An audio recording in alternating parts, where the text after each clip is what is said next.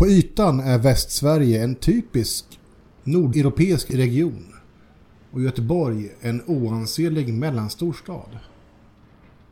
Människor tar sig till jobbet, barn går till skolan, politiker i kommunfullmäktige fattar beslut och så fort tillfälle ges åker man till Ikea för att köpa ny köksinredning.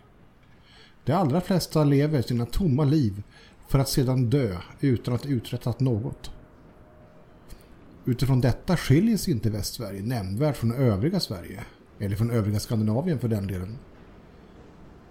I de flesta avseenden grubblar den genomsnittliga göteborgaren på ungefär samma saker som personer i Oslo och Köpenhamn. Arbete, privatekonomi, bostad, tv-serier och konsumtion.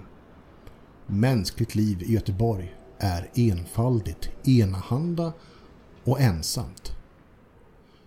Samtidigt är det något i Västsverige som gnager, river och skär. Något som gör ont och som får västsvenskar att trots allt skilja sig från andra nordeuropeer. Vemod, rädsla och förvirring är naturligtvis återkommande stämningar i alla europeiska samhällen men på den svenska västkusten finns ett obehag och en melankoli som måste klassas som särskilt unikt. Folk i Göteborg mår dåligt på ett alldeles eget sätt. Och det är därför ingen slump att andelen ritualmord, gravskändningar, kollektiva självmord är högre i Västsverige än på andra platser. Det är givetvis heller ingen slump att man i Västsverige finner en högre andel ritualmagiker, nekromantiker, demonologer och självutnämnda profeter jämfört med andra platser i Norden. Den västsvenska särplägen är, trots enfald och förvirring, inte okänd eller förnekad av västsvenskarna själva. Tvärtom är självkännedomen förhållandevis hög och kverulansen, irrationaliteten, vreden som det västsvenska lynnet varit upphov till är bland västsvenskarna erkänt och accepterat som ett faktum.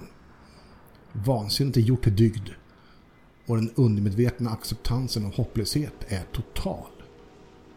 Göteborg och Västsverige är en fientlig plats där faror och bortomvärldsligt kaos lurar under ytan.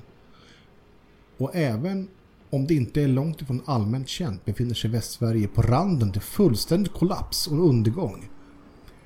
Men medan den officiella historieskrivningen menar att Sverige varit förskonat från krig och konflikt under de senaste hundratals åren så talar den tyst om den faktiskt unika hopplöshet och ångest som ständigt legat till grund för allt västsvenskar någonsin tagit sig för. Avsaknaden av dokumenterad väpnad konflikt är inget intyg för att Västsverige är eller någonsin varit en fridfull och harmonisk plats. Västsverige är istället en förgiftad plats som drar till sig befläckelse, kaos och undergång. Medan sekter, frikyrkor, kaosmojker, vandöda och lokalt näringsliv från varsitt håll smider ränker för att kontrollera och förslava traktens själar ruvar ett större och mer uråldrigt hot mot Göteborg och södra Sverige. Den svarta jorden. Marken och jorden är sur och rutten i Västra Götaland. Men den är långt ifrån passiv och likgiltig. Uråldrig och hatisk bidar den svarta jorden sin tid och spår samtidigt framtiden i det avskräde som vattnet i Göta älv kastar upp längs Göteborgs livlösa stränder. Den svarta jorden väntar på tillfället då den en gång för alla kan förslava Västsverige och svepa med sig allt mänskligt liv ner i avgrunden. Det är i denna förruttnade miljö som händelserna i den här podden utspelar sig. Det är i Västsverige som undergången kommer att ta sin början. Och denna podd ger ett axplock av de platser, händelser och personer som är bidragande till eller resultatet av den annalkande apokalypsen. Resumé. Ett skrivarkollektiv från Hjällbo har fått ett tips om att den ökände vitmaktfinansiären Sven-Erik Nyqvist har synts till i samband med en spretig högermanifestation i Brunnsparken. De beger sig dit och försöker fotografera honom. Situationen eskalerar när ett nazianstruket råskinn drar kniv mot en för kollektivet okänd äldre man. Som i sin tur svarar med att dra pistol och skadeskjuta honom. En vild jakt på svar börjar. Vill du höra alla delar av Den svarta jorden nu direkt så finns de på patreon.com komitanpodd. Vi investerar varje krona i att göra mer och bättre podd och är hjärtligt tacksamma för allt stöd. Den tredje och sista delen kommer annars i vårt vanliga flöde om en vecka.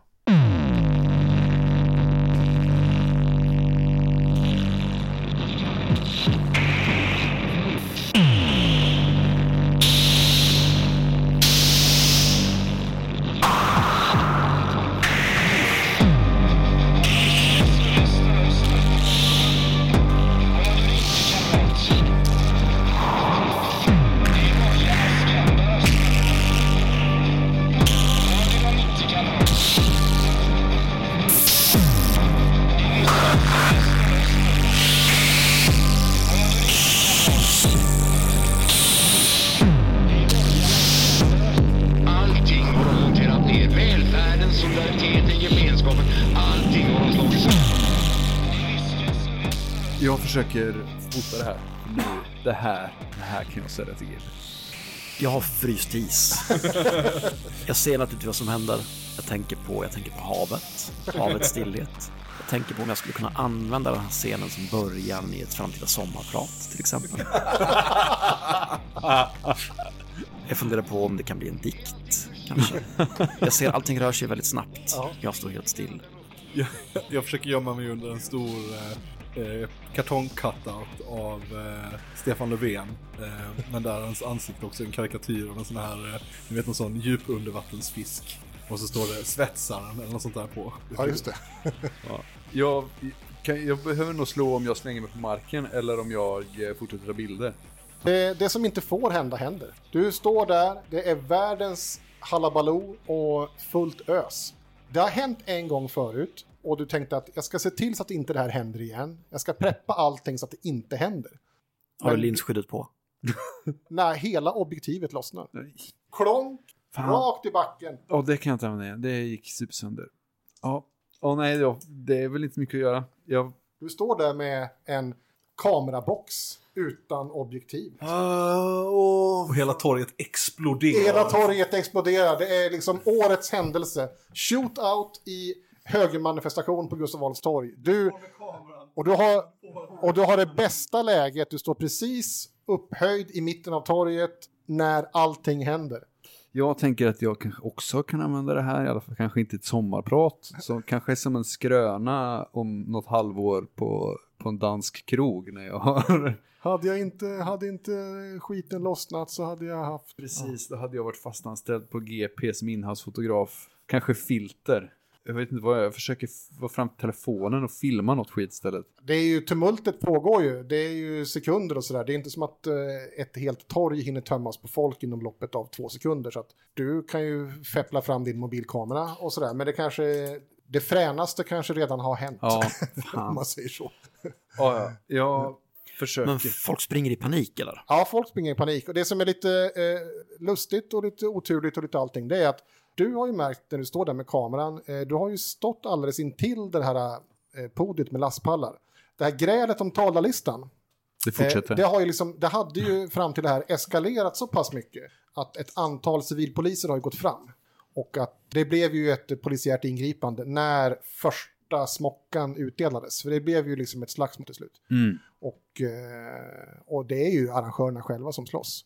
Eh, Så att där har ju liksom polisen gått in för att liksom försöka lugna det hela. Så att all polisiär uppmärksamhet och allting har ju varit no ja, några minuter efter det här då. Eh, Då hände eh, pistolskjutningar, fast på ett helt annat ställe. Så att eh, polisens fulla uppmärksamhet har ju varit någon helt annanstans.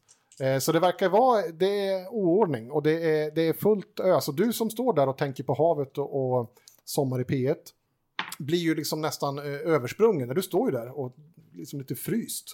Du som ligger under den här eh, stora eh, pappmallen av Stefan Löfven med halvsjavig höft. Du ser ju här att det är inte så lätt att ha ihjäl någon när man skjuter puffra genom en jackficka på en trenchcoat. Man träffar inte så bra, även om det nästan är typ point blank, två meters avstånd. Så du ser ju Axel är ju träffad på lite alla möjliga ställen och det är ju blod och annat som kommer. Men det, ingenting verkar ju ha träffat något typ hjärta, hjärna. Han, är ju liksom, han står ju upp, helt klart. Axel är ju eh, snabb. Så att medan eh, trenchcoatsgubbens skott inte landar väl så landar ju Axels hugg med sin dolk väldigt väl. Han knivar ju den här killen, eller mannen, flera gånger. Och han sjunker ju ihop. Det pissar ju blod. Det är ju, det är ju en 6, 7, 8 hugg i buken, stenhårt. Och jag har träffat allt där inne. Så trenchcoaten färgas ju mörkröd inom loppet av några sekunder och han faller ju rakt ihop. Axel rycker åt sig den här attachéväskan. Den här mannen försöker göra någon typ av motstånd, halvt liggande och håller, försöker hålla kvar i handtaget, inte så lätt. Eh, Axel river åt sig den här trench, eh, eh, attachéväskan och börjar ju försöka lunka, halta, wobbla bort över torget. Han blöder ju även han, han har ju fått skott lite överallt. Eh, Men han verkar ju ändå kunna ta sig. Så han börjar ju också skynda sig över torget med alla andra. Jag, jag slår mot min, eh, mot min coolness. Och så ska jag, försöka, ska jag försöka slå han i huvudet med kamerahuset. Du ska springa, du är ju en bit bort här. Du ska springa ifatt Axel. Han är ju säkert en, eh, säg, ja det är säkert en 15 meter bort. Ja. Har Axel fått med sig attachéväskan? Ja, Jag ska göra ett försök. Jag försöker också kravla efter honom. Mm. Eh, du kan slå ett gul galla här för att få koll på din höftkula. ja, Det är, det är inte konstigt alltså. Du får inte ta ordning på det där. jag, jag, jag kravlar runt där på marken Ja. helt enkelt och försöker att inte bli trampad på. Det. Ja. Jag försöker slå kuta ikapp Axel. Ja, slå gul galla. Ja, du har ju, du lägger eh, all kraft på att bara kuta som en idiot över torget och försöka hinna ifatt honom. Det här ser ju även eh, du Joel. Du står ju, du står egentligen närmst. Eh, Axel passerar ju typ där och pinnar ju iväg och du står ju där eh, lite som ett rådjur på en motorväg. Mm. Jag gör två saker, tänker jag. Det första jag gör är att jag gör en liten anteckning i mobilen om just det som du sa. Trenchcoaten färgades röd av blod. Röd, röd som paprika. Går att göra någonting på Ungern och högernationalismen kanske? Och sen så messar jag Karin Pettersson som är ny kulturchef på Aftonbladet och skriver att jag var i Brunnsparken. Kan berätta på stora scenen ikväll. Ring. Arvode? Frågetecken. Perfekt. Ja. Hinner jag ikapp honom? Eh, du hinner så att du är hack i häl. Du är ju inte skottskadad till, till att börja med, så att du håller ju en hastighet som kanske är bättre än hans.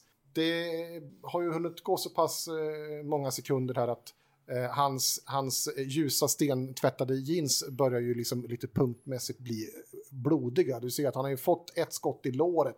Kanske ytligt, men det lär ju kännas något gud förbjude. Du är ju kampsportare så du Ja, har väl precis. kondis, eller hur? Ja. Ska jag low-kicka honom på skottskadan? Ja, Fan. det är den där ischiasen då. Som, Ja, ja, den får man... Eh... Då är de här domningarna. Ja, men jag har ju också en spöfolk-färdighet. Ja, så att eh, han, när du är... Han har ju kniv också, det har ju inte jag. Jag har kamerahus. Ja, han, han springer ju inte lika fort som dig, så du hinner ju fatt. Men lagom till att du är typ hack i häl och är, är liksom i ryggen på honom, du är typ en och en halv meter ifrån, då har han ändå, ändå tagit er över torget.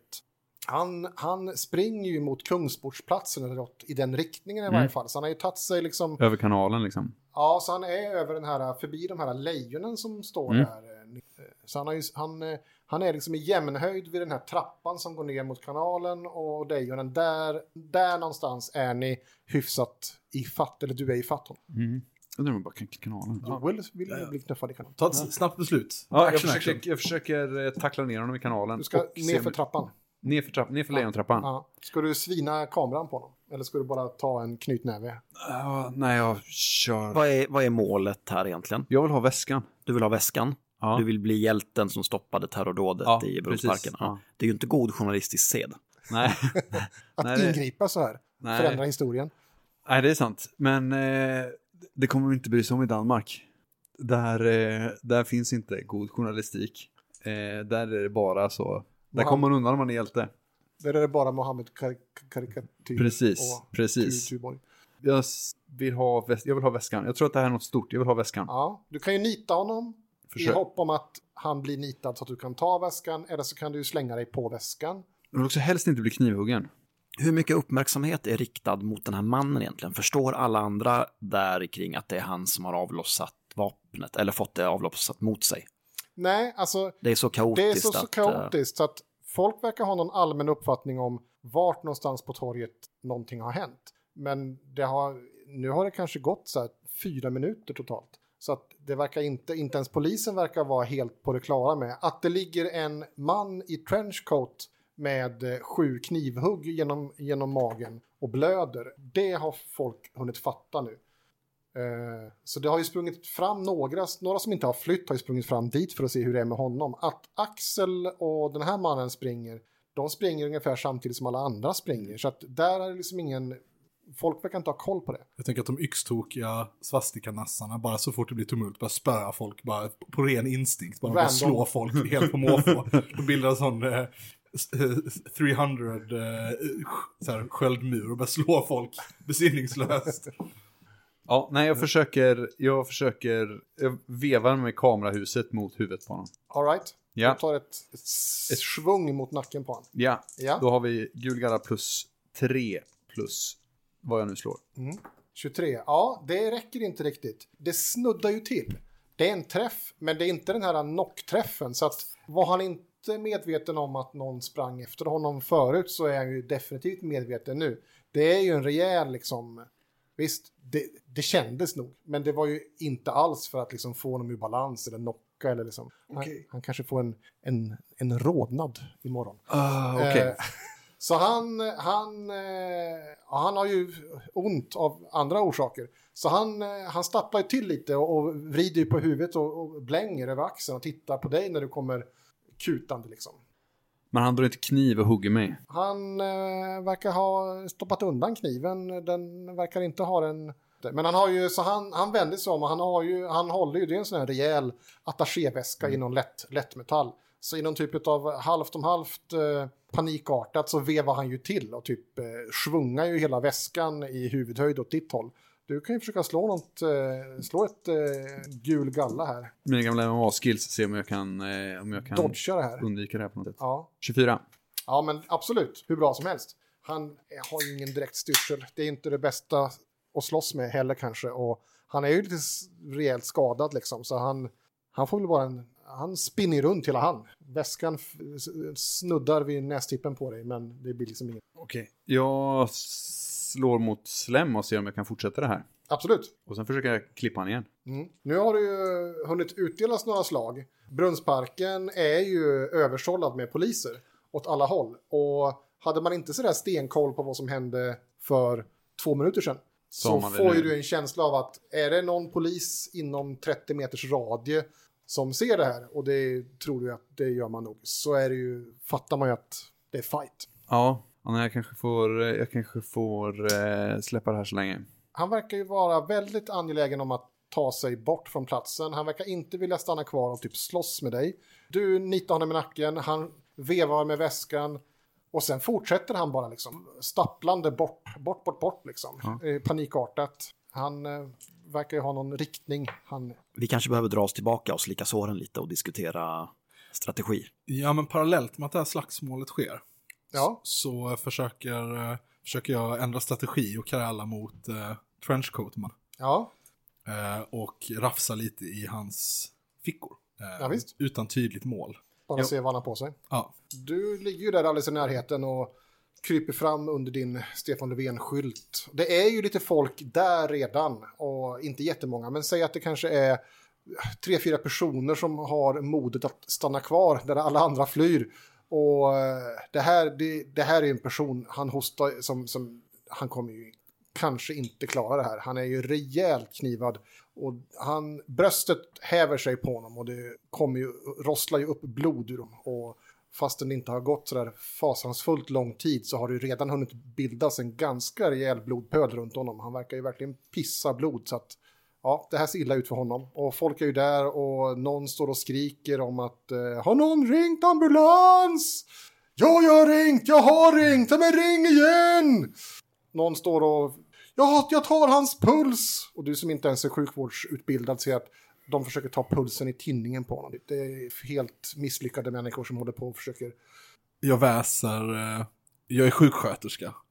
och, och börjar rota i hans fickor. Du kommer krypande längs, eh, längs kullerstenen här på torget med eh, bruten höft. Och visst, ja, det, det, det är så pass chockartat och ösigt så att det är inte direkt någon som knappt bryr sig om vad du säger och därför heller inte direkt ja, ifrågasätter att, att du skulle vara det. Så det börjar ju också, det, det är ju flera som är där, och alla händer är ju på honom. Det verkar inte vara någon som gräver i hans fickor, men du, ja visst, det, det är inga konstigheter att liksom fiska fram. Det finns någon, det är någon plånbok inne i fickan och ser ut som eh, en nyckelknippa i, och, och, och det är ju uppenbart också en pistol. Det är ju, han har ju skotthål, han har ju skjutit ifrån fickan så att det är ju, hela han är ju full i, hans kläder är fulla i skotthål. Och en pistol. Får jag slå min färdighet punda för att lägga nycklar och plånbok i egen ficka? Absolut. Eh, vad använder jag för... Eh, Har du hög färdighet, punda? två. Eh, det, är, det är en av mina starkaste skills. Eh, vad ska jag slå på för, eh, för galla? Ja, Vilk, gul. gul. Ja, alltså att tömma hans fickor och grejer på eh, sådär, det är inga konstigheter. Det är ju så pass tumultartat så att folk är i chocktillstånd. Eh, du kanske inte gör det här helt eh, osynligt. Och det är säkert en och annan som står här som märker. Men det, folk verkar liksom inte vara i stånd att reagera eller liksom stoppa dig eller sådär. Eh, skulle det i efterhand uppdagas att det saknas grejer så kommer ju folk komma ihåg vem, vem den här konstiga kufen som kröp runt på marken var. Och att han var nog den som stal saker, men det är ingen som gör någonting. Nu, ungefär samtidigt som du gör det här, är det ju också nu som polisen är på plats. De har ju haft eh, fokus på helt andra saker fram tills nu. Så att, eh, ja, som sagt, det här händelseförloppet är ju extremt snabbt. Det är ju sekund från, från sekund liksom. Så att eh, ungefär samtidigt som eh, hans plånbok sl- slinker in i din jeansväst så är ju de första polisen på plats och börjar ju flytta på folk därifrån. Jag gör inget motstånd om jag har sakerna i fickan redan. Ja, Och låter ja. mig släppas undan. Ja, De kanske kommer ta dig till sjukhus också. Ja, det får vi se. eller, eller, eller bara fyllecell, vem, vem fan vet liksom. Men Ja, du försöker ju liksom se oberörd ut och gå därifrån hjälpligt och sådär. Och det är ju svårt med eh, din höft. Det är ju nästan på väg tillbaks, men det är inte, du, du, du haltar ju tydligt. Och du känner ju en till hastig rörelse så, så kommer ju benet att lossna. Men jag krälar liksom upp mot... Eh, Du kan stå och gå försiktigt. Ja, men jag, jag stapplar eh, mot, eh, liksom bort från Brunnsparken ut med kanalen. Eh, upp mot eh, Stadsmuseet. Eh, det hållet. Ja, vad gör Joel? Du står kvar där. Jag har skrivit ett mess till. Ja. Jag har skrivit till Nanna Johansson att jag eh, var i Brunnsparken och att jag precis höll på att dö, men att jag bara kunde tänka på henne. Och så frågade jag så, eh, kan du fixa in mig på Jan Guillous efterfest på mässan ikväll? Så himla produktiv. Jag noterar också vilken oerhört avslappnad och förhärdad relation mina kollektivkamrater eh, har till våld. jag har umgåtts med... Jag, Handlingskraftiga. hängt för, hängt för mycket med RFare som har berättat så olika fyllehistorier från, från eh, 00-talets första hälft. Jag är ju mest en eh, berättare, va? en observatör, så att jag håller mig på avstånd. Det är Ja. inte författarnas jobb att intervenera i sin samtid, vi bara beskriver den. Jag ger upp jakten på Axel och ser om jag kan eh, hitta mina... Eller jag försöker bara komma undan snuten också. Det känns, jag tror att jag känner att jag har gått lite över gränsen och egentligen behöver eh, eh, kanske sätta mig i säkerhet till eh, den här statyn i Brunnsparken. Mm. Torget tänker jag kommer vara, där kommer det vara så mycket snutar så att det kommer vara helt sjukt. Du tänker på fontänen där? Ja, precis. Mm. Ja. Och sen så ska jag se till att med, plocka, ha med mig minneskortet. Men jag langar väl upp min mobil också och, eh, och skriver i vår WhatsApp-gruppchatt eller vad vi har liksom och kommunicerar med tillsammans. Eh, Ska vi träffas någonstans? Eh, Jag svarar ses på City Kebab. Okej. Bästa krogen i stan. Ja. Ja, vi, jag märker väl det här också. Och drar mig väl ditåt. Ja, jag vänder också om då och Ja. tillbaka motsatt håll. Mot City Kebab. Ja, När det är så, fast den här kanske fan inte fanns i Al Habibi 2019. Nej, nej. kanske. Ja, City Kebab är vilket fall en överlägsen kebab. Det är den faktiskt. Vi är Deras kebabsås är grym. Ute efter krogen innan Ja. för City Kebab. Som är, som är det. Men Okej, skitsamma. Vi behöver inte diskutera den krogens för, för, förträfflighet. Den måste man bara uppleva. Eh, Okej, men vi möts på, på City Kebab, eller? Eller på krogen innanför. Uff, såg ni det där, säger jag. Jo, det, det gjorde jag. Jag tror att jag fick rätt bra... Eller ja, ja, vi, vi behöver inte prata mer om vad som hände sen. Men initialt fick jag en del bra bilder. Så.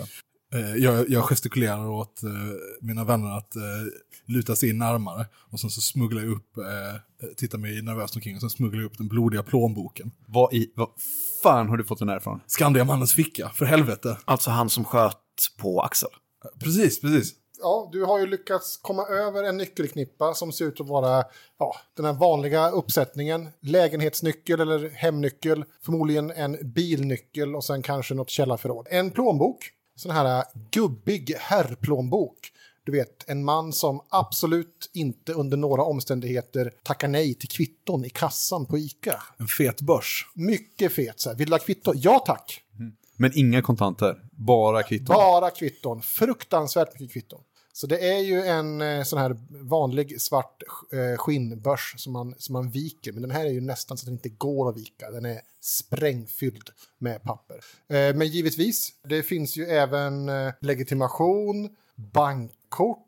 Givetvis är ju det här också en man som sparar och samlar på ja, visitkort, klippkort på pizzerian, köp 10 pizzor och få en elfte gratis, sådana mängder, rabattkort och så vidare. Och så vidare. Så det här, här finns det ju liksom, eh, här finns det att gräva. Vad heter han? Enligt körkortet är det här eh, Lennart Josefsson. Hur gammal? 72 år gammal. Men du hittar lite fotografier på honom själv och på, kanske på släktingar. Någonting som kanske är en fru, who knows. Han verkar ju använda den här plånboken som sin, som en, som en, som en appendix till sin at attachéväska. För det är ju liksom lite allt möjligt här. Det är även kallelser till Sahlgrenska, läkarbesök och lite sådär. Han har eh, kallelser till onkologen exempelvis. Vad, är, vad gör onkologen? Cancer. Hemmahörande i Göteborg då. Ja, Finns det någon adress? ja Det då. finns på kallelsen. Var, var bor han? Han bor uppe i Guldheden. Mm. Vänta, Guldheden, det har, vi, det har dykt upp in tidigare. I vilket sammanhang talade vi om Guldheden? Vem var det som bodde i Guldheden? Nikolaj Novak. Vi kanske kommer få göra ett litet, eh, en liten avstickare till Guldheden på väg till den här förlagsfesten. Har du fått något svar än förresten? Nej, jag då med min klassbakgrund har ett grundmurat förtroende för den liberala rättsstaten. Eh, Sitter vi här nu på en mördad mans plånbok med nycklar till densammes lägenhet Jajamän. och målsättningen är att vi ska få en bild på en förrymd, efterlyst nazistisk ledare. Jajamän. Det känns som att vi håller på och gräver oss själva djupare och djupare ner i någonting som vi inte riktigt vet vart det ska. Men vadå, tror du på riktigt att snuten kommer göra någonting? De, de lät ju den här eh, Sven-Erik Nyqvist, de låter ju honom gå runt. Tror du, tror du på riktigt att polisen inte vet om att han var här? Självklart vet de om att han är här. Han har frikort eh, av Säpo och, eh, och röja runt här. Det vet alla att nazister och säkerhetstjänster tjänster är i maskopi. Det, gäller, det är upp till oss att sätta stopp. Fick du några bilder? Ja, jag tror det. Men nu- jo, det, jo, innan, från innan, sen så ramlade mitt objektiv av. All right, men det bör gå att göra någonting på det kanske. Ja, Eh, absolut. Jag hänger på på ett villkor. Ja. Pax att skriva om det här. Det är min Fuck story. You, fuck you, fuck you. Inte en chans. Vi, vi, vi samskriver. Äh, När du säger att vi samskriver så blir det ju ändå jag som skriver. Det är som ett grupparbete på högstadiet. Okej, du skriver men vi publicerar det i mitt fanzin. Döds, döds, döds, dödsråttan. Jag tänker att det här är en story som kommer bli lite större än ditt fanzin. Vad större än mitt fanzin? Jag har 40 läsare i Serbien. Så här, vad det än blir av det här så kommer jag skriva det. Vi kommer använda dina bilder och det kommer gå en teaser i Mirkos fanzin innan vi släpper det i, i den stora pressen. Och du bjuder på bärs nu. Deal. Okej, ja, absolut. Så en runda storstark med varsin eh, eh, gammaldansk shot och sen eh, är vi på väg mot Guldheden. Men ska vi dra till Guldheden nu eller så ska vi hem och typ, jag vet inte, samla Fight, vi ska nerverna? ha han eh, Axel, eller hur? Alltså vi måste ju ha Axel, vi måste, ja, eller, fan det beror på vem som hinner först till Guldheden. Vi spelar konvents-style. Vi Okej. åker inte hem emellan och typ käkar lunch eller något sånt där. Vi åker direkt till Guldheden. Ja, men då ska jag fan äta kebab nu alltså. ja, jag ska äta också. inte du hungrig, Mirko? Eh, efter allt det där, hur skulle, man kunna, hur skulle de kunna äta? Jag är förvånad att ni kan. Jag tänker att vi tar eh, älvsnabben. Till Guldheden? Mm, det blir en liten omväg, men det vore nice med lite båt. Nej, det är, det är helt förryckt. Vi tar tian. Det går, det går hela vägen fram. Ni sveper i er, eh, du tar in, eh, du trycker i dig din kebabrulle eller vad det nu är och ni hoppar upp på tians spårvagn. Kliver av där. Jag gissar att ni kanske kliver av vid Dr. Fris torg. Ja, för den som har varit där är ju, vet ju att det är ett litet torg, centrum, det finns Hemköp, det finns en pizzeria, en restaurang, eh, ett bibliotek och lite annat. Det sista sossetorget som inte är nedlagt. Ja, eh, norra Guldheden är ju en av de mest mer aktningsvärda områdena i Göteborg. Välplanerat och ordnat på alla sätt och vis. Du, eh, Joel, du har ju varit här förut. Men när du tänker efter så är det ju faktiskt, det är ett tag sedan. Dr. Fries torg och Norra Guldheden, eh, det är ju ingenting man passerar av en slump, utan man hamnar ju där om man, om man ska träffa någon eller faktiskt göra någonting. Det är ju ingenting man bara snubblar in på. Så när du väl eh, tänker efter här så det är nog det är åtskilliga år sedan du var här. Det är ett tag sedan. Det, är Ja. sedan. det har inte hänt supermycket med Guldheden å andra sidan. Nej. Det ser ut som det alltid har gjort. Och just därför blir du lite perplex över din reaktion av att kliva av här. För du går av spårvagnen, ni tittar er omkring och ni är väl kanske precis på väg och vipporna börjar ja, diskutera eh, internt här hur ni ska gå tillväga vidare. Men du kommer helt av dig. För du ser ju, mitt på torget, den här fantastiska fontänen som står här. Den porlar. Dessutom, den heter ju Fina fisken. Uppförd på 50-talet. Stiliserad fisk i vattenmiljö. Du tror ju att du har sett den här förut. Eller sett, du har väl knappt lagt märke till den, men det har ju varit här.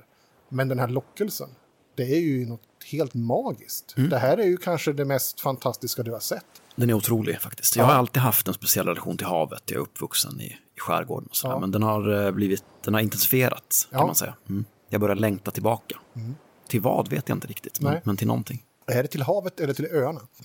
Jag vet inte. Nej. Jag tror kanske att det är havet. Mirko hävdar bestämt att det är till mamma och pappas pengar. Jag upptäcker också till min stora frustration att bokmässan har ställt in flera av kvällens punkter och satt in en, en extrainsatt panel med personer som ska prata om händelserna i Brunnsparken. Du får ju faktiskt ungefär nu svar på ditt sms till Karin Pet- Pettersson här. Mm, nej, står det bara. Eh, Tyvärr är panelen redan tillsatt. Trots att jag då har tweetat ut att jag var där när det hände så verkar ingen ta, ta notis. Två retweets. Så fuck de jävlarna, tänker jag. Nu, ska, nu är nu, det scoop. nu är scoop. Nu jävlar. Så här bra har vi inte haft det sen. Vad var det ditt jävla fanzine hette? Död råtta. Ja, Aftonbladet Kultur, fuck you. Nu är det död råtta som gäller. Ni har ju haft era, eh, skrivkollektivet har ju tidigare haft ett eget eh, som har kommit och gått lite. Väldigt oregelbunden ut, utgivning om man säger så. Men, men eh, sett över tid så har det ändå kommit ganska många nummer. Rakbladet eh, heter ju den. Och eh, det skulle kunna gå att återuppta. Det ju, har ju nästan ett etablerat namn vid det här laget. Adnan, eh, du lägger ju märke till det här. Precis när ni står här, eh, Joel står och med eh, blöta ögon tittar på den fina statyn. Och ni börjar titta runt här, ni använder väl, ja, Google Maps, vart, vart ligger adresser, vart är vi liksom? Så ligger det ju precis där på hörnet, Dr. Fries torg är ju liksom ett torg flankerat av två långa smala byggnader. I änden av den ena byggnaden här så finns det ju då någon typ av restaurang, det är typ pizza, pasta och bärs för 39 spänn. Lokalkrog liksom, med uteservering och så. Alldeles intill där finns det en darstump. Där står det en vit bil parkerad. Med ett regnummer som du tror att du har sett på en lapp som du fick av Robban. Det kanske inte först. Är det Nikolajs bil? Ja. Sitter det någon i den? Nej, den står som parkerad. Ska vi sätta oss och spana en stund eller ska vi gå upp direkt? Har inte vi pundat fram en bilnyckel ur... eh, Vi har en bilnyckel. Vi testar vår bilnyckel. Håll utkik så Ja. testar jag. Ja, du tänker den som du har eh, näpsat från eh, Lennart Josefssons eh, ficka. Ja, precis. Ja, visst. Nej, den passar inte. Jag kikar in i bilen, du vet så här när jag ändå, när jag ändå är i närheten, ser om jag ser någonting som ligger i den eller Mm. Du kan slå ett eh, svart galla här. plus punda. I know it's stretching it. Nej. Sen när blev punda en superkraft som du kan applicera på allt? Ja, nej, du lägger inte märke till något särskilt där. Det är en Peugeot av äldre modell, har väl sett dina bättre dagar. Det är ingen rishög på något sätt, men det här är ingen frän bil. Ja, okej, men vi får väl... eh, Vi går väl upp. Ni, va- vart, vart går ni upp? Adressen. Som vi har på kallelsen från SU. Eh, Okej, ni går alltså mot det ni tror är Lennart Josefssons lägenhet. Ja. Ja. Ja, då förstår jag. Ja, det ligger ju inte långt ifrån Dr. Fries torg. Det är ett av de här höghusen. Och ni tittar, det är ju lustigt nog, det är ju bara typ eh, två, tre kvarter till där eh, den här så kallade Nikolaj Novak ska bo. Eh, som ni har fått utifrån regnumret. Ni har ju nycklar, låser upp entrén, kliver in, tar hissen upp, våning sju. Jag går strategiskt sist. Ni, kli- ni kliver av på våning sju här och eh, tar snabbt en dörr där det står Josefsson på. Och eh, ni provar ny- nycklarna och det, visst, det går alldeles utmärkt att låsa upp. Vi, vi går in och så låser vi om oss. Det är en eh, extremt stökig lägenhet. Ganska gammalt här. Ni kliver över en stor hög med post och tidningar som har kommit in genom brevinkastet. Här verkar det inte vara någon som bryr sig om GP som kommer varje dag. Det luktar eh, starkt av piprök och det är som att allting här är täckt av en gul nikotinhinna. Antalet kvadratmeter är svårt att uppskatta, men eh, det är en, det är en tvårummare i varje fall. Välplanerad, som allting på Norra Gullheden. Mycket välplanerat. Här har man tänkt till, inte en kvadratmeter till spillo. Så mm, någon, ni får ju en känsla av att här är det någon som har inrett enligt eh, eh, trender och mode och inredningsstil klockrent anno 1967. Och sen har tiden stått still. Det är eh, vävtapeter på väggarna och eh, eh, möbler, eh, det är mycket plysch och manchester, det är sådär. Så att det, det, är, det är liksom ett... Eh, det är som att kliva in i en, en, en tidskapsel nästan. En inpyrd rökindränkt nikotintidskapsel. Det är ju någon typ av ungkar helt klart. Det är stökigt som fan och rörigt. Finns det någonting där förutom att det är ålderdomligt och mängden reklam och tidningar heller som sticker ut? Vi vet ju inte exakt vad vi söker, eller hur? Nej, det verkar som ingen har varit här på ett tag om det ligger liksom en stor hög GP i Ja, hallen. det går in i köket så ser ni ju till att här har någon ätit eh, frukost idag. Okay. Eh, så att eh, det är nog bara eh, Lennart själv som inte har så bra ordning på sina grejer. Men det är ju tydligt eh, ganska färsk disk på diskbänken. Här har någon ko- kokat ägg och ätit cornflakes. Vardagsrum, strukturtapeter och en brun plyschsoffa. Ett gigantiskt målat porträtt av hans eh, kungliga majestät konungen över soffan i rummet. Här och var så ser ni vimplar, det är små Sverigeflaggor och annat. Får ju tydliga tecken på att det är någon som är nationalistiskt och royalistiskt sinnad som bor här. Men mer av det ålderdomliga slaget. Det är nog ingen liksom nynationalist, utan det här är ju en det här är ju en äldre man som tycker att eh, flaggan är fin och kung, kungen är snäll. På film kollar de alltid efter dokument. Dokument! För vad vi vet är att Lennart bor här. Lennart har tidigare under dagen packat sin attachéväska för att möta Axel. Jag vet inte om man skulle möta Axel. Just det, man han stötte på Axel. Ja, Axel letar efter Lennart. Det kan, vi, det kan vi tänka oss. Frågan är om Lennart letar efter Axel. I sovrummet så finns det ju ett skrivbord och eh, på skrivbordet så står det ju en eh, dator. Modell äldre. Tjock, tjock, tjock monitor. Jag slår igång den. Han har ju inte lösenordsskyddare. Nej, det är den inte. Finns det en diskett någonstans man kan få med? Det finns ett eh, väldigt välordnat eh, diskettskrin. Det är floppydiskar som står här. Är, de, är de uppmärkta på något sätt? Jag tänker, nu är vi här. Nu kan vi lika gärna bara sno allt som inte sitter fast. Som verkar värdefullt. Har jag ens en ryggsäck med mig? Nej. Eller om det finns en portfölj liggandes någonstans. Som man skulle kunna eh, ha disketter i. ICA-kassar finns i köket. Du tänker att vi ska riva ner allt vi hittar och sticka härifrån? Ja. Kan vi gå igenom allting i lugn och ro hemma vid sen? Hur ser det ut i sovrummet? Finns det, en, eh, finns det ett nattduksbord? Ja, det gör det. det. Det är ju i sovrummet som det skrivbordet står. Och eh, ja, det finns mycket riktigt. Det är ganska dammigt här inne. Ett nattduksbord, väckarklocka och så vidare. Ganska belamrat med olika typer av med med mediciner. Många burkar, sån här karta. Vad för typer av mediciner? Det är svårt att säga. Du är ju ingen ninja på den här typen av... Jag tittar igenom eh, toaletten också och kollar om Ja. det finns mediciner där. Det finns i eh, toalettskåpet finns det ganska mycket eh, mediciner. Får jag, får jag, nu, nu, jag skojar inte, kan jag slå ett pundanslag? för- Absolut. Plus, plus eh, svart galle eller? Jajamän. Eh, 15 plus 15, 30. Oj, oj, oj. Han har ju jättemycket morfin. Det här är ju säkert en person som går under någon sorts palliativ behandling. Det är oklart. En kallelse från onkologen, eh, cancerbehandling. Det här är kanske en person som inte har så här långt kvar. Och morfin och andra typer av smärtstillande har man ju ganska generöst skrivit ut till den här mannen. Och han har både i nattduksbordet och i skåpet på toaletten flera burkar. Det här är nice alltså. Jag fyller fickorna tills jag låter som en tic-tac-ask när jag går runt. Det här ser inte vi för vi är i sovrummet. Ja, ja absolut. Eh, Men jag undrar, finns det fler dokument eller någonting som... eh, Du, har ju slå, du, säger ju, du slog ju på datorn här och den är ju inte lösenordsskyddad. Så du kommer ju in här. Det, är ju, det här är ju en gammal PC. Eh, årsmodell eh, 1998. Windows 95? Precis. Eh, och du klickar runt här och han har ju, ja, det här är ju en man som, han är ju väldigt ordnad. Eh, han har lite säkerhetstänk, eh, men välstrukturerad. Du börjar klicka runt här. Du hittar ju en eh, mailkorg och du hittar ju olika mappar med dokument. Eh, någonting som du tror liknar någon typ av påbörjan till memoarer, who knows. Och lite sådär. Eh, det är svårt att få grepp om Lennart. Han verkar vara en... Det är ju en enstöring det här, eh, ensam person. Mycket av det du hittar är ju hans sjukdom som han helt uppenbarligen har.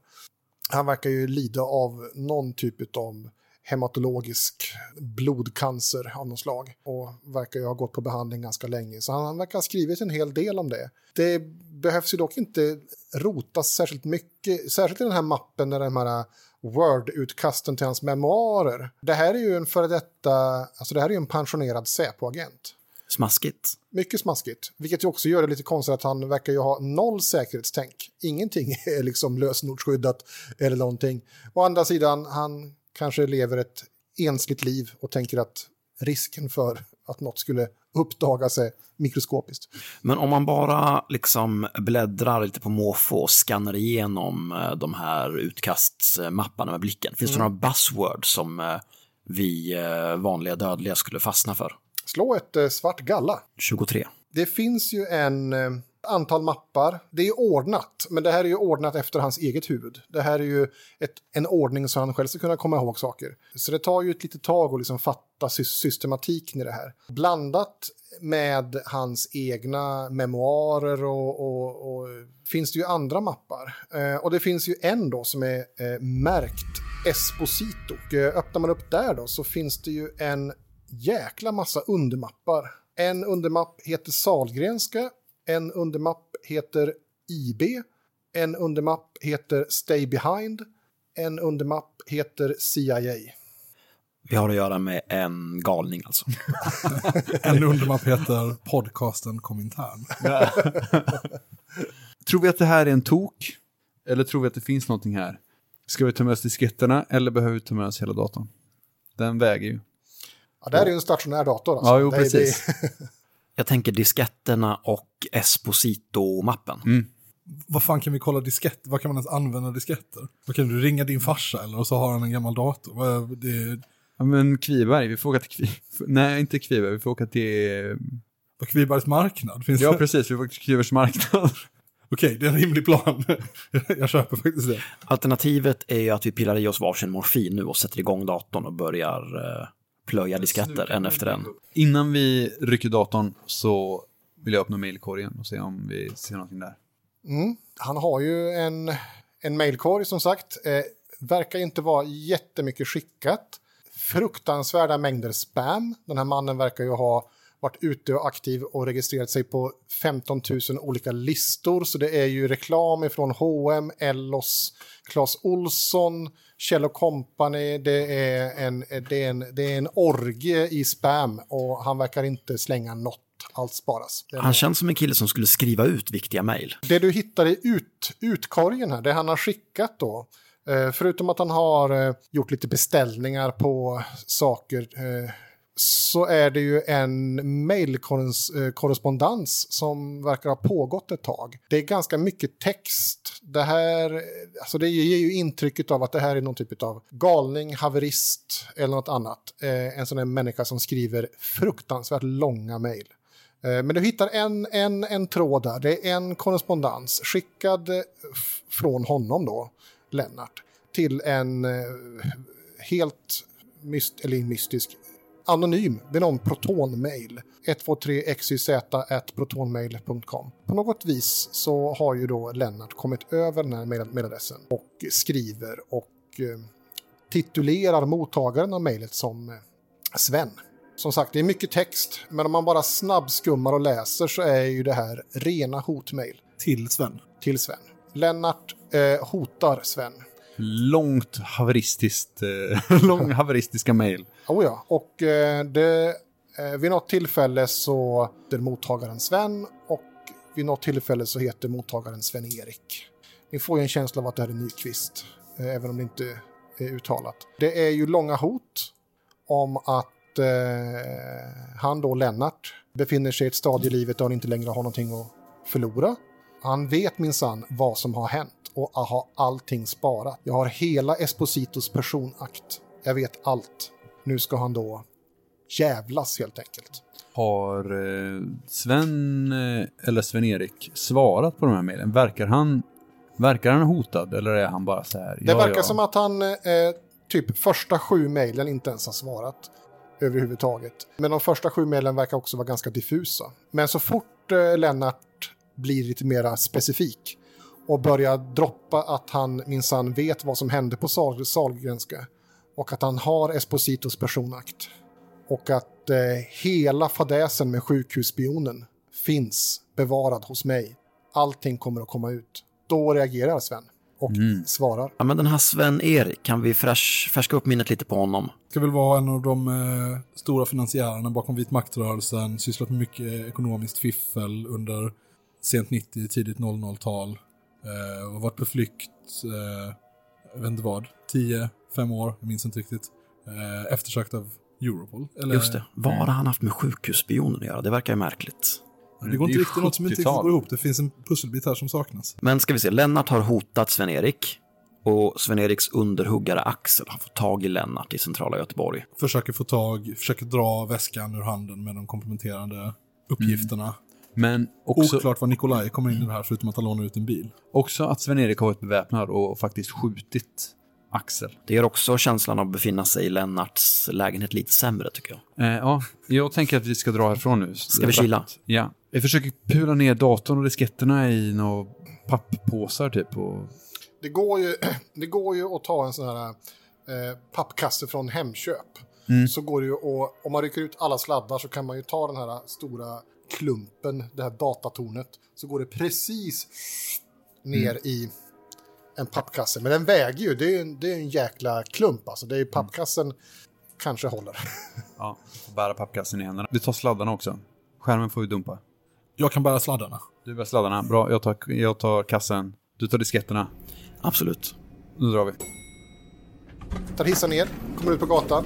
Eh, vid det här laget så klockan har väl, det är fortfarande mitt på dagen. Det har inte gått så fruktansvärt lång tid. Ni har tryckt i en kebab och några bärs på citykebaben. Klockan Precis. kanske är Och halv vagn. 23 på eftermiddagen, fortfarande lördag. Så att eh, visst, ni kommer ner. Kommer ju tillbaks till eh, spårvagnshållplatsen där vid Dr. Fries torg. Ser ju precis när ni står där hur den vita bilen, någon verkar ha varit Eh, någon är på väg ut. Någon verkar hämta någonting i baksätet på bilen. Smäller igen dörren, låser och börjar lunka bort mot eh, pizzerian.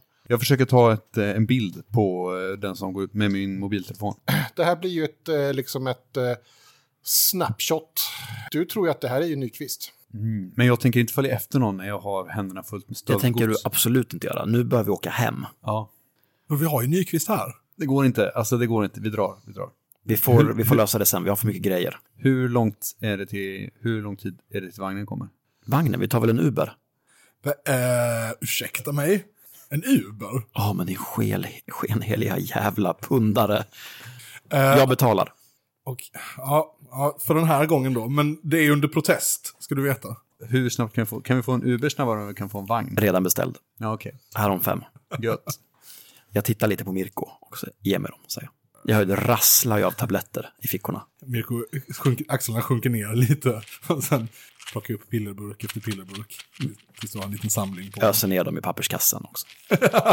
Så slängs inte. Så vi står på Dr. Fries torg och hanterar tunga opiater och eh, väntar på vår Uber. Stulna datorer. Och stulna datorer, ja. Från, från en mördad Säpo-man. Jajamän. Svårt bakfulla. Det här är som en vanlig dag i Gaspars liv ungefär. Det sladdar väl upp en, eh, en bil här, en Uberbil, Vi hoppar in. mot. Hjällbo. Jag messar Johannes Anjoro. Jag har blå. Var är du ikväll? Får man komma? Ja, vi är hemma. Vi slå någon slags eh, läger? Dator, disketter, papper. Känner vi någon som kan Dota? Va? Dataspelet? Nej, nej.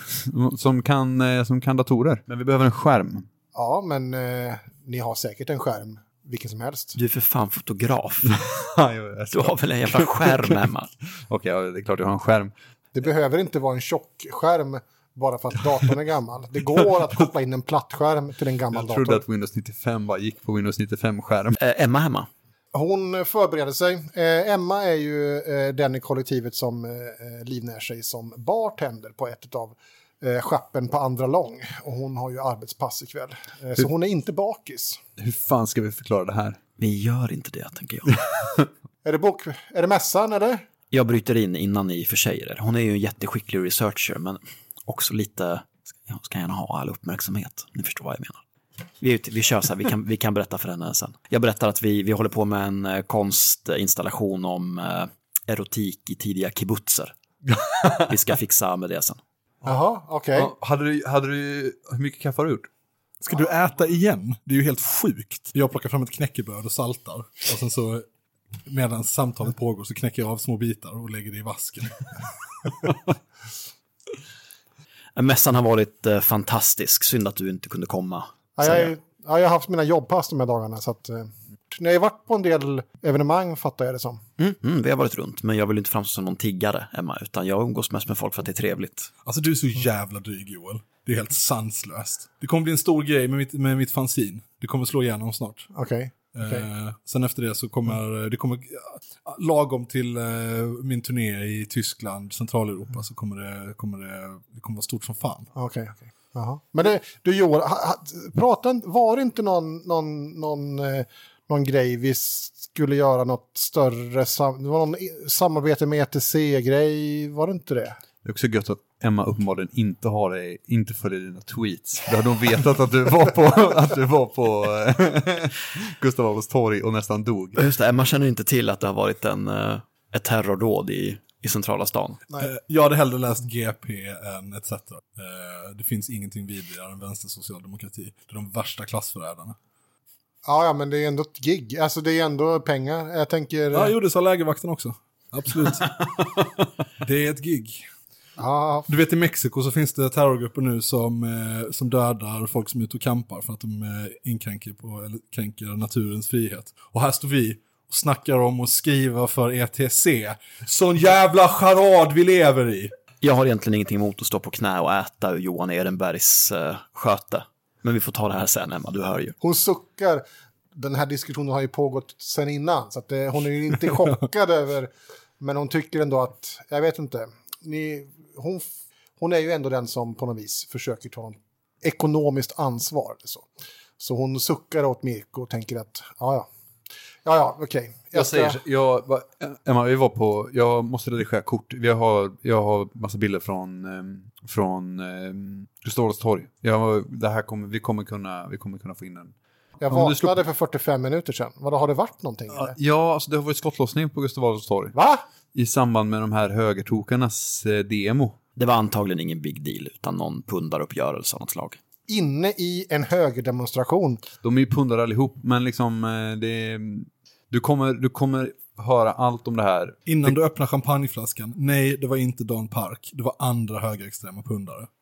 Men, oh, wow. Alltså, eh, men du har bilder alltså? Ja, det här, från Jävlar. precis innan, ska man kunna säga. Sen händer en olyckshändelse. Alltså jag, jag, jag ska ju jobba nu i- ikväll. Men egentligen, jag hoppar ju egentligen in för en tjej som är sjuk.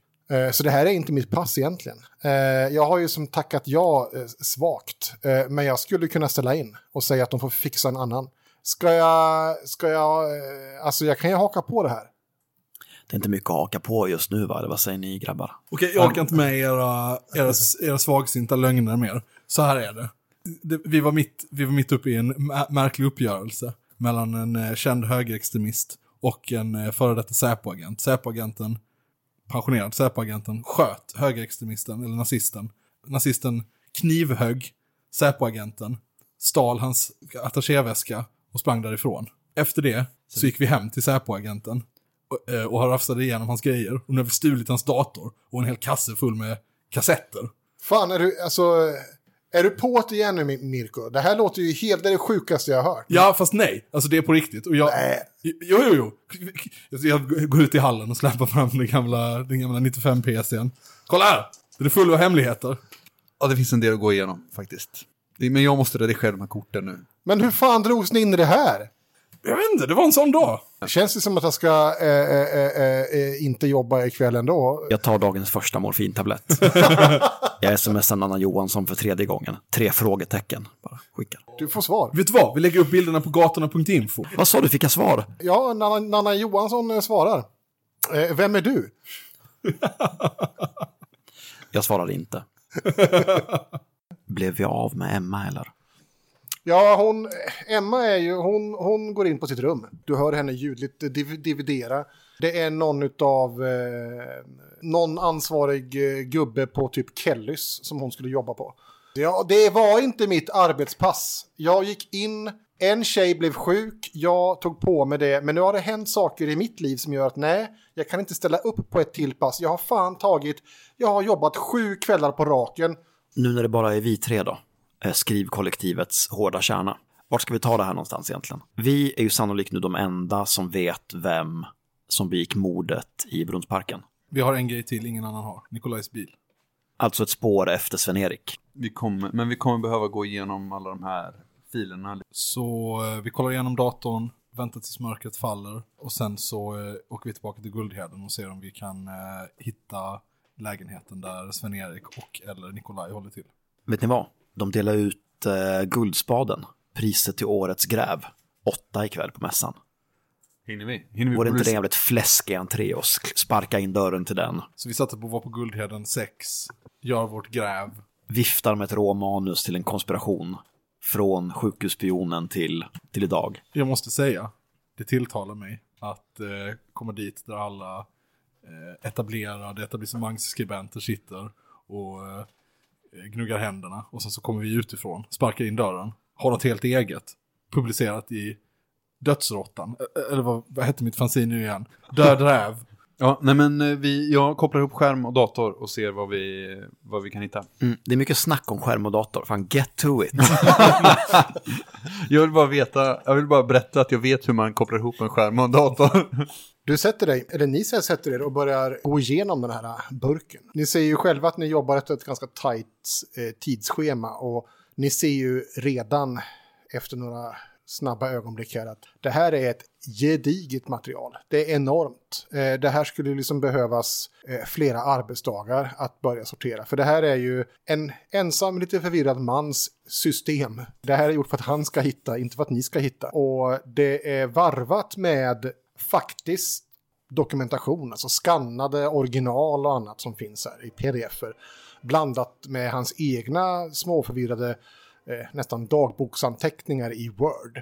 Och bara att liksom rensa och gräva i det här är svårt. Men efter att ha läst den här korrespondensen med Nyqvist och de här hoten så börjar ni se att ja, det, det finns ju en del saker här som faktiskt, det här är ganska tungt. Visst, det går vissa skannade dokument, original, alltså skannade originalhandlingar. Det skulle kanske kunna vara fake, men det är väldigt välgjort i sådana fall. Det går säkert att leda bevis att mycket av det här är riktigt. Och det som är grejen, ni får ju här, det, det, det hela verkar röra sig om en, en läkare på Sahlgrenska på 70-talet. Efter att ha rotat runt här så verkar det som att hela den här storyn grundar sig i att en viss Pedro Esposito, född i Neapel 1924 i fascistitalien och som en, en av de yngsta personerna av sin eh, årskull då fick eh, en läkarexamen och eh, bildade sig en eh, säker plats i den då nybildade Salonrepubliken. Andra världskriget, und so weiter. Det här är en person då som efter, efter att eh, kriget tar slut och sätts då i läger, i, fång, i fångläger. Det här är ju en person som, ja, vid den här tiden, han kan ju inte ha varit många år över 20 när det väl begav sig, men han verkar ju ha, ha innehaft någon sorts befattning befattning eller viktig position inom Salorrepubliken så att eh, eh, han blev ändå satt eh, som krigsfånge. Eh, här, här är dokumentationen lite luddig men han, han verkar ju ha blivit radikaliserad i det här, i det här sammanhanget. Han har, verkar ha tagit sig till Bulgarien och Rumänien. Som uttalad starkt troende katolik då, så, så verkar han ha konverterat och, och, och börjat anammat någon, någon annan typ av religion, någon mer eh, fruktbarhetsinriktad variant. Kommer tillbaks till Italien och gör en ny karriär igen på 50-talet och 60-talet och blir en utav eh, fasciströrelsen eh, fasciströrelsens Italiens mest prominenta personer. Han, han, han eh, blir en viktig komponent här och blir central under de här så kallade blyåren i Italien. Driver en egen organisation inom, in, inom den fascistiska rörelsen i Italien. Då. En mer en märklig, snudd på exotisk eh, fruktbarhets... Det handlar ju alltså i, i, eh, i många, i de flesta drag klassisk fascistisk idé om, om, om eh, eh, nation, folk och så vidare. Men drar det längre och, och pratar om eh, mänsklighetens nyfödelse och så vidare. Och går i clinch med många andra fascister när eh, han utmålar hermafroditen som den, den absolut högst stående eh, formen av mänskligt liv. Att kunna upp, uppnå eh, ett stadie där man på egen hand likt sniglar alstrar liv. De här blyåren blir ganska besvärliga, men tack vare eh, CIAs sponsrade Stay Behind-rörelse i Europa så blir han omplacerad och får en fristad i Göteborg. Helt utifrån Försvarsmakten eh, och eh, IBs försorg. Han, han placeras på Sahlgrenska. Han är ju obstetriker och gynekolog det är hans specialitet. Reproduktion är någonting som är starkt för honom. Han etablerar sig på Sahlgrenska och eh, börjar bedriva egen forskning. Detta kommer till kännedom hos Säpo. Vid den här tiden så har Säpo och Försvarsmakten IB eh, en eh, lite ansträngd relation. Säpo anser att IB och andra organisationer inom Försvarsmakten är inne på deras territorium. Katalogisera och registrera inhemska kommunister och subversiva, det är ju Säpos uppdrag. Försvarsmakten ska ju rikta sig utåt. Det är stor frustration och ilska. Och ännu argare blir man när man upptäcker att eh, Försvarsmakten, IB, har placerat en italiensk rymling fascist på Sahlgrenska. Drar därför igång en, ett skådespel. Eh, man drar helt enkelt igång en man rekryterar en person som ska agera som spion och registrera kommunister och andra på Sahlgrenska. Egentligen eh, pla eh, planterar man två agenter. Den ena som registrerar kommunister är ju bara där för att dra åt sig uppmärksamhet. Medan den andra, Hans Jespersson, är där från Säpo för att registrera och eh, bana på Esposito. Säpo är mycket intresserad av att veta vad håller IB på med på Sahlgrenska det fortsätter ganska mycket. Det är hemskt mycket att läsa upptäcker ni. Och ni ser ju till slut att Sven-Erik Nyqvist dyker upp här. Esposito håller på med en egen forskning i källaren i kulverterna under Sahlgrenska. Något eh, nytt gudomligt väsen som ska uppstå. Det är forskning på sniglar, forskning på djur och andra eh, som kan självbefrukta sig. Och någon typ av transplantationsövning. Alltså att eh, försöka överföra de här egenskaperna till människor och försöka skapa ett nytt gudomligt tredje kön. Nyqvist är inblandad och eh, han verkar ha varit någon typ av eh, apostel till den här Esposito. Behöver vi kanske inte ta oss hela vägen till Guldheden utan snarare ta oss till Sahlgrenska? Ni hittar ju spår här om att eh, efter IB-affären och efter affären med sjukhusspionen och efter alla andra skandaler på 70-talet så, så lades locket på. Och det finns tydliga... Man har ju murat igen allt.